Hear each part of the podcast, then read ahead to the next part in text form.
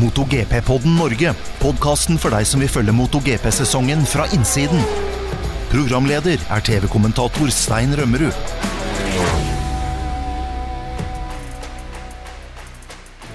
Velkommen til episode 35 i MotoGP-podden Norge. I dag skal vi finne ut av eh, hvem som vinner i India, for nå er det nemlig en helt ny bane på VM-kalenderen. Bud International Circuit i India. Der har aldri MotoGP-serien vært noen gang tidligere.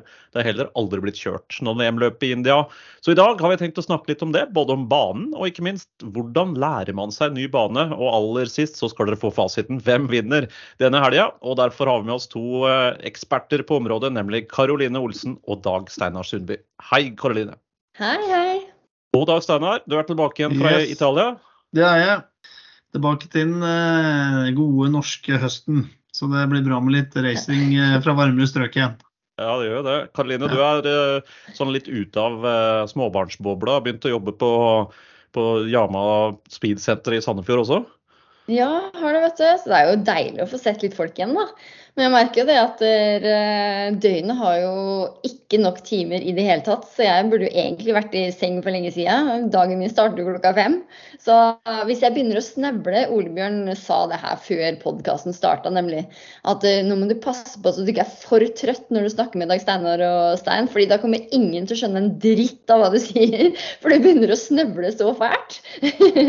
så jeg skal prøve å liksom holde øya oppe og Nei da. Men eh, det er, er klar for litt racing i helga. jeg, Altså. Jeg gleder meg masse til å ta fatt på en ny bane i India. Og det blir spennende. Det er mye som eh, ja, mye, mye spennende rundt en helt ny bane, et helt nytt land. Ja, Det skal vi komme inn på straks. Det er egentlig veldig bra at vi får deg litt ned på sånn normalt snøvlenivå, for da er du, da er du på høyde med Sundby og meg. Ja. Eller var dette en søknad for litt tidligere podkastinnspillinger? Ja, det, var- det var et skjult budskap der. eller egentlig kanskje et dårlig skjult budskap. For den podkasten her den spilles nemlig inn ganske seint torsdag kveld. Og sånn er det. Når det er tre travle mennesker som skal møtes, så må vi liksom være litt kreative på kalenderfronten. Mm, og Vi skulle også hilse fra Thomas, han hadde ikke mulighet i dag. Men han kommer sterkere tilbake igjen seinere. Han gjør det. Han driver og pusser opp. Du verden. Vi skal eh, inn i eh, racingens verden. Bud International Circuit, helt ny bane i MotoGP-sammenheng. Den ble åpna i oktober 2011. Den ligger en times kjøring sørøst for New Delhi, så det er eh, sentralt i India.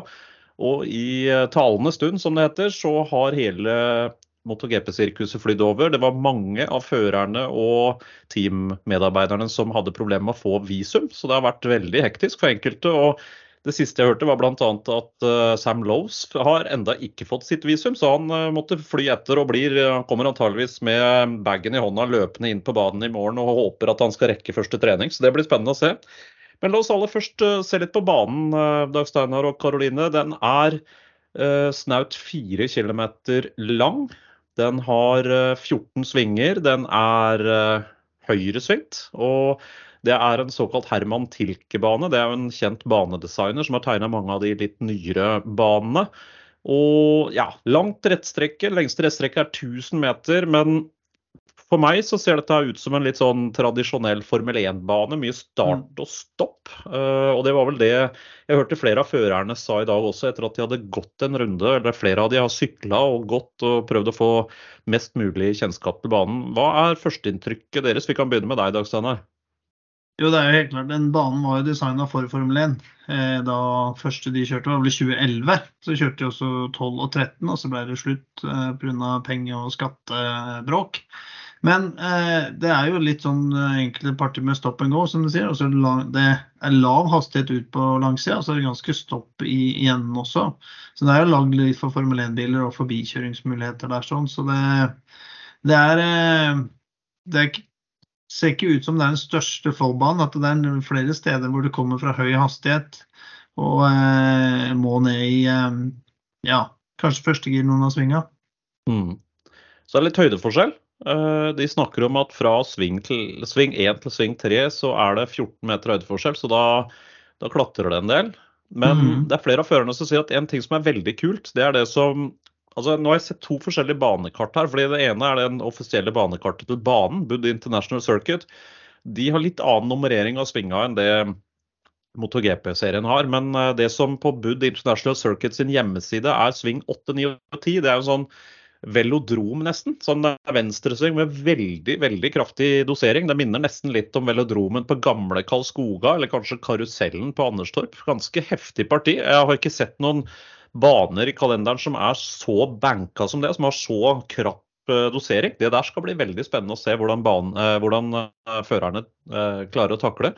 Men Karoline, mm. du har jo kjørt mye i USA. Der er jo ikke helt uh, uvanlig med banking? Nei, det er jo ikke det. Første løpet jeg kjørte bort i USA, var jo på Daytona-banen. og Det kan jo si at den er greit eh, banka, og det var litt av et sjokk. Men det er jo utrolig gøy, da. Eh, utrolig kult å kjøre i sånne doserte svinger. For du føler jo at det ikke fins noen grense for hvor fort du faktisk kan kjøre gjennom de svingene. Eh, og etter eh, etter å ha sett eh, pressekonferansen med føreren nå, så er vel kanskje det et av partiene på banen som de gleder seg aller, aller mest til eh, med den banen her. Det, at det er litt høydeforskjeller, den er faktisk eh, De var jo ganske kritiske før de kom til banen, spesielt med tanke på sikkerheten, kanskje. Eh, men at de har blitt positivt overraska, nesten samtlige, over at det er en ganske kul layout. Da. Det er litt av alt. Eh, og som du sier, den doserte partiet, da, som flere av dem sa, at det blir høydepunktet på fredag. Mm. Når du kommer inn i en sånn veldig dosert sving, fins det noe triks da? Er det bare å tøkke inn og prøve å gjøre seg så aerodynamisk som mulig, eller henger du inn, eller hvordan gjør du det? Nei, altså når vi kom på Daytona, så var det litt annerledes. fordi du hadde, jo, du hadde, jo, en mur langs hele øvre kant av banen. Og det var jo egentlig å komme seg så nærme muren som mulig uten å krasje med muren for å få så lite luftmotstand som mulig. Og så var det det å bruke nedoverbakken ut av bankingen da, for å få med deg mest mulig fart eh, fra disse ekstremt doserte svingene. da. Eh, så det var litt det, men eh, på Daytona så var det jo det kanskje det mest ekstreme stedet jeg har kjørt. Der var det jo Du blir jo sugd inn i en draft midt i sving, som er veldig spesielt, da. Mm. her er det jo ikke så ekstremt, men det er klart, du må jo passe på at du får med deg nok fart, eh, kanskje spesielt ut, da. Eh, med tanke på at du får med deg mest mulig av fordelene med en sånn banka sving. Mm.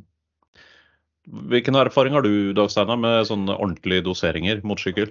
Nei, Det er det samme som Karoline. Jeg kjørte på Daytona i, i 97 eh, også. Eller, eh, det var ikke da Karoline kjørte. Da var ikke hun født. Hun var ikke født, egentlig. Og nå var dere snille gutter. ja, ja, ja, ja. Men eh, jeg tror kanskje det er sånn, så blir det litt mer.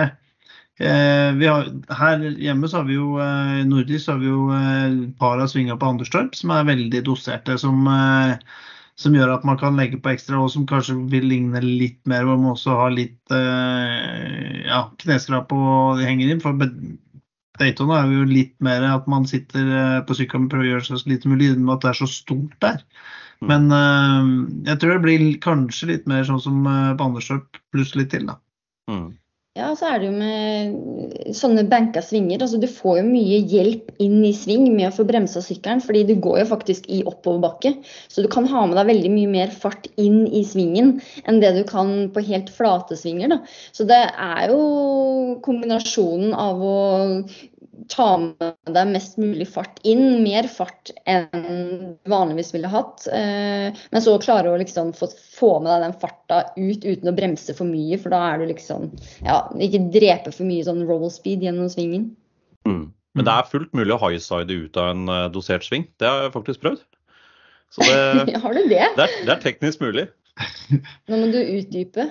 Ja, det ble full vareopptelling i 2002 på Anderstorp ut av en, eh, ut av en veldig dosert sving. Men det, ta, det, er, det, er, en god historie for en helt annen anledning. Det, det, er en egen podkast. Det er en helt egen podkast.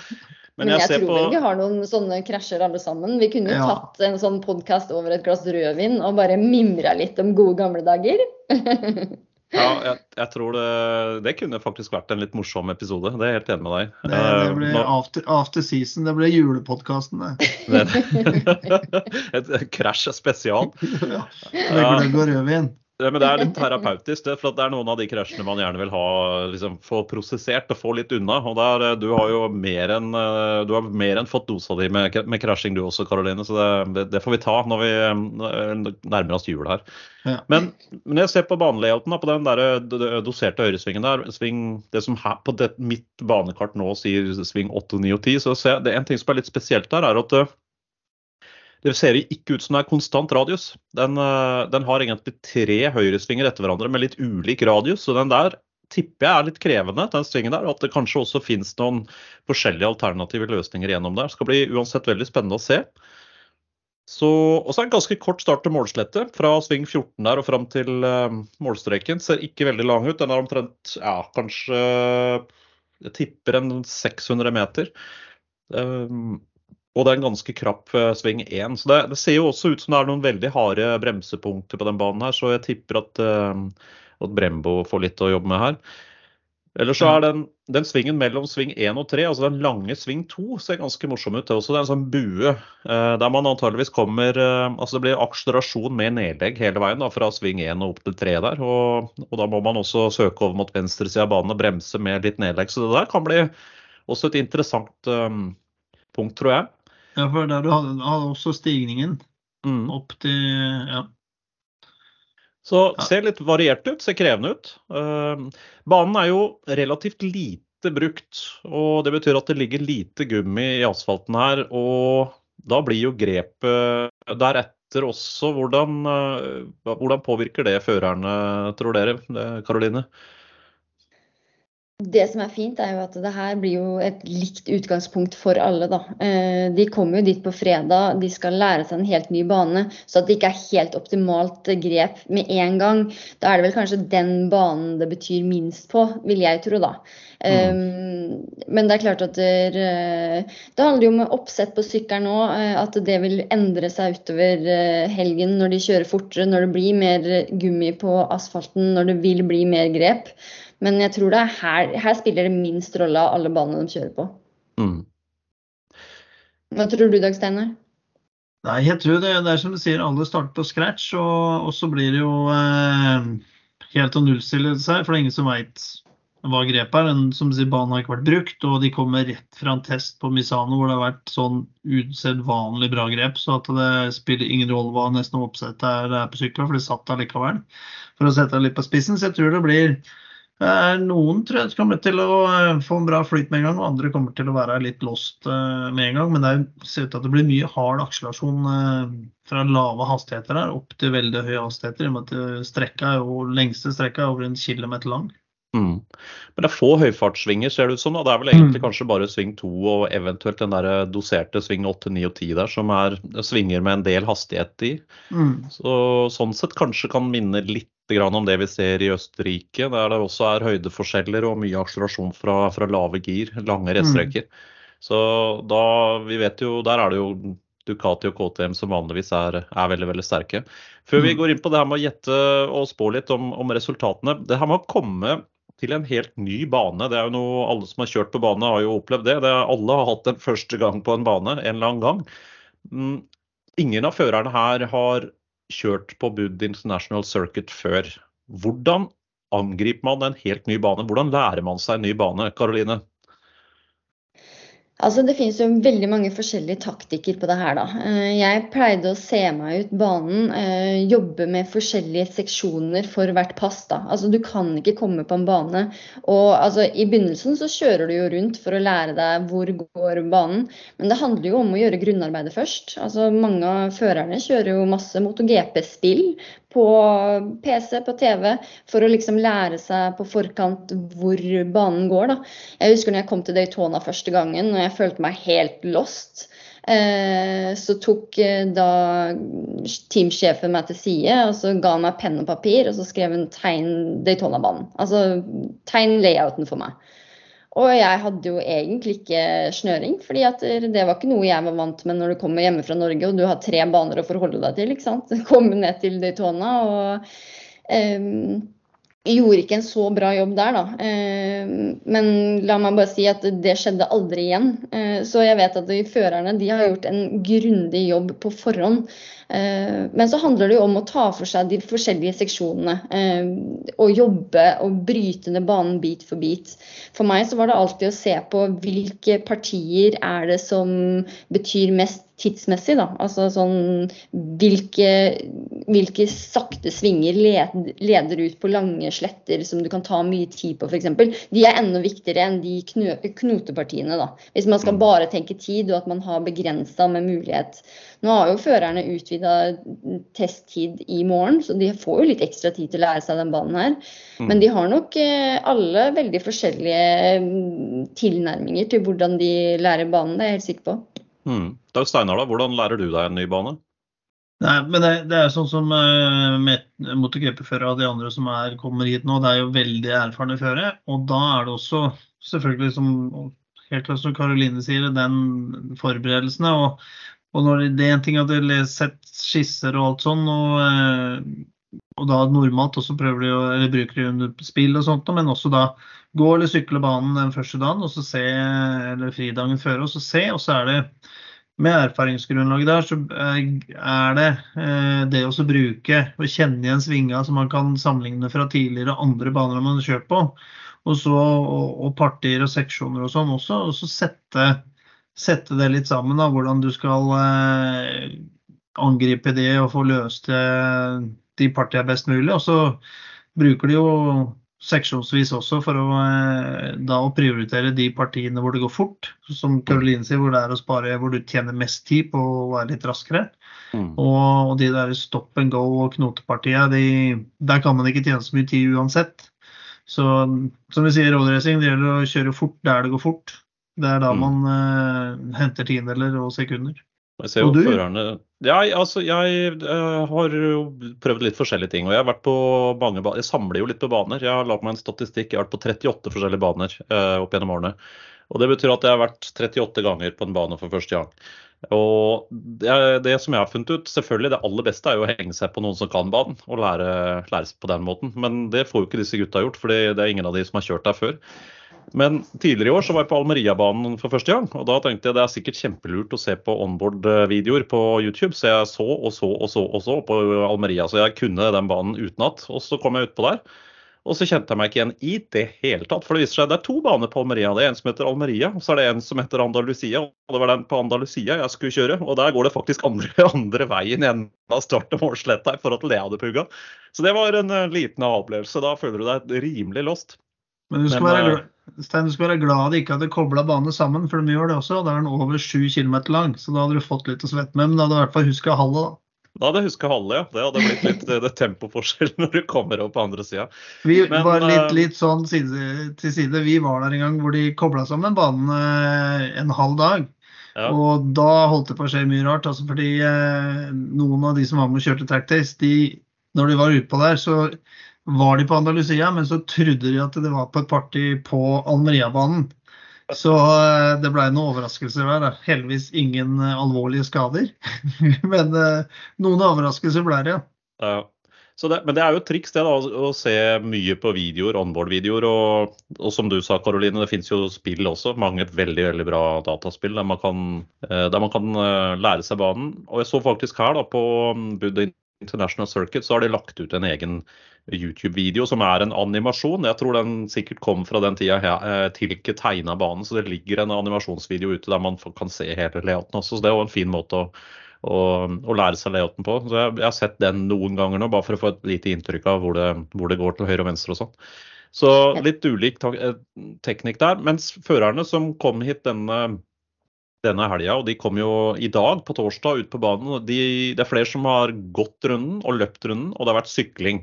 Og Det er også for å få litt feeling med hvordan det ser ut og hvordan det er. Men det er selvfølgelig noe helt annet å gønne utpå her med 300 hestekrefter og, og sliks på en MotoGP-sykkel. Absolutt. Og jeg tror liksom Hvis man skal tenke litt på utgangspunktet alle førerne kommer hit med den helgen her, da. Altså sånn som en, en fører som Augusto Fernandes, da. Han vil jo ha en stor fordel. fordi at han har jo ikke noe erfaring fra noen av banene på en MotoGP-sykkel tidligere. Og nå kommer han jo til en bane hvor ingen andre heller har data fra i fjor, f.eks. Eh, og så ser du på Ducati, da, Bagnaya f.eks., som gjennom hele sesongen bare har gjort små justeringer på sykkelen ut ifra hvilken bane de kommer til. Det gjør jo at Bagnaya er jo en av dem som kan fokusere mer på å lære seg banen og banelayouten eh, enn de, altså f.eks. Honda, eh, Yamaha, til dels KTM, kanskje litt Aprilia, som har gjort mer endringer på sykkelen ut ifra hvilke baner de kommer til, da, nettopp fordi det har skjedd så mye med sykkelen det siste året. Mm. Jeg så Simon Crayfar fikk eh, prøve seg i dag. Han har kjørt en BMW eh, M1000 RR der, en standard BMW, i dag. Og han sa jo at før For det kom et regnskyll her i dag også, så før det regnet kom, så fikk han en, et ordentlig pass. Og han sa at det tok lang tid å lære banen. Det var vanskelig. Men han sier at uh, det er seksjoner her som minner om veldig mange andre baner som han liker godt. Han, sa, han kjente igjen seksjoner fra Portimao. Suzuka, Monza og gamle Hockenheim. Sepang og Mugello kjente han igjen. Så han var veldig fornøyd, og det ligger en video ute nå med Simon uh, som kjører uh, med den, med den BMW-en. Så det er eh, Han kjører jo med GoPro-kamera på torsdager som regel på de forskjellige banene de er. og Det, det er en video som absolutt er verdt å, å kikke litt på. Det blir, eh, det blir, gøy, det her også. Jeg gleder meg veldig. Men hvis vi skal spå litt om utfallet den helga her Det er klart det er eh, veldig vanskelig å spå. Det er mange faktorer som vil spille inn. Det kan bli regn, og vi vet lite om hvordan grepet er.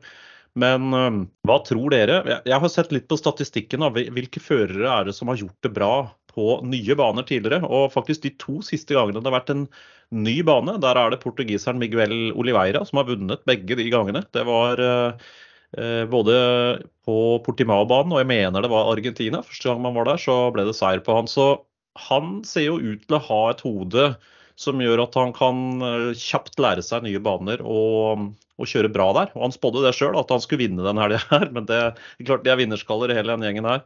Mark Marquez han vant jo første gangen de kjørte på Circuit of the Americas. Det var i 2013. Første gangen han kjørte MotoGP-sykkel der og, og, vant like godt hele greia. Så han har også vist før at han er god på nye baner. Tør dere spå noe, Dag Steinar?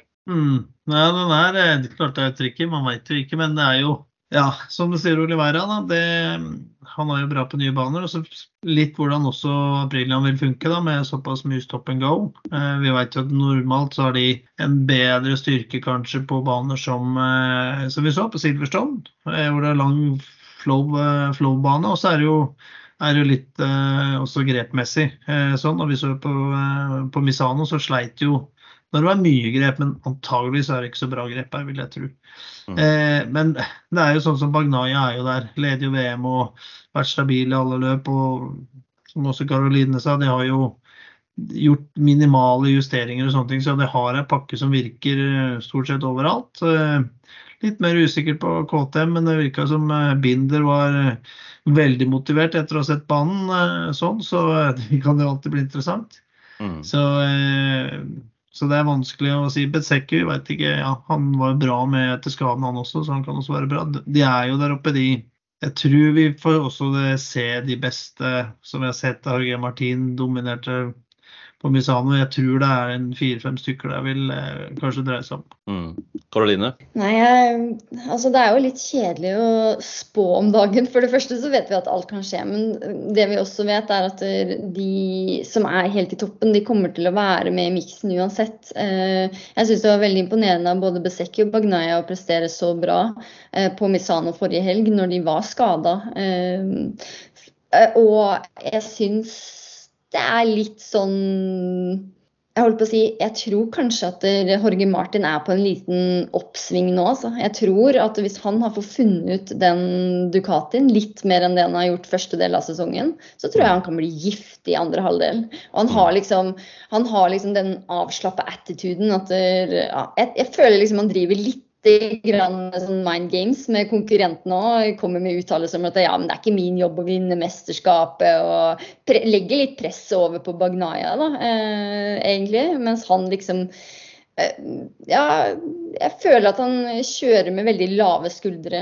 Eh, han har veldig mye selvtillit. Og hvis han nå eh, har funnet ut av den sykkelen mer enn det han har gjort tidligere i sesongen, han får de startene han har pleid å få tidligere, han får bremsinga, så tror jeg at han kan bli veldig veldig sterk på den banen her.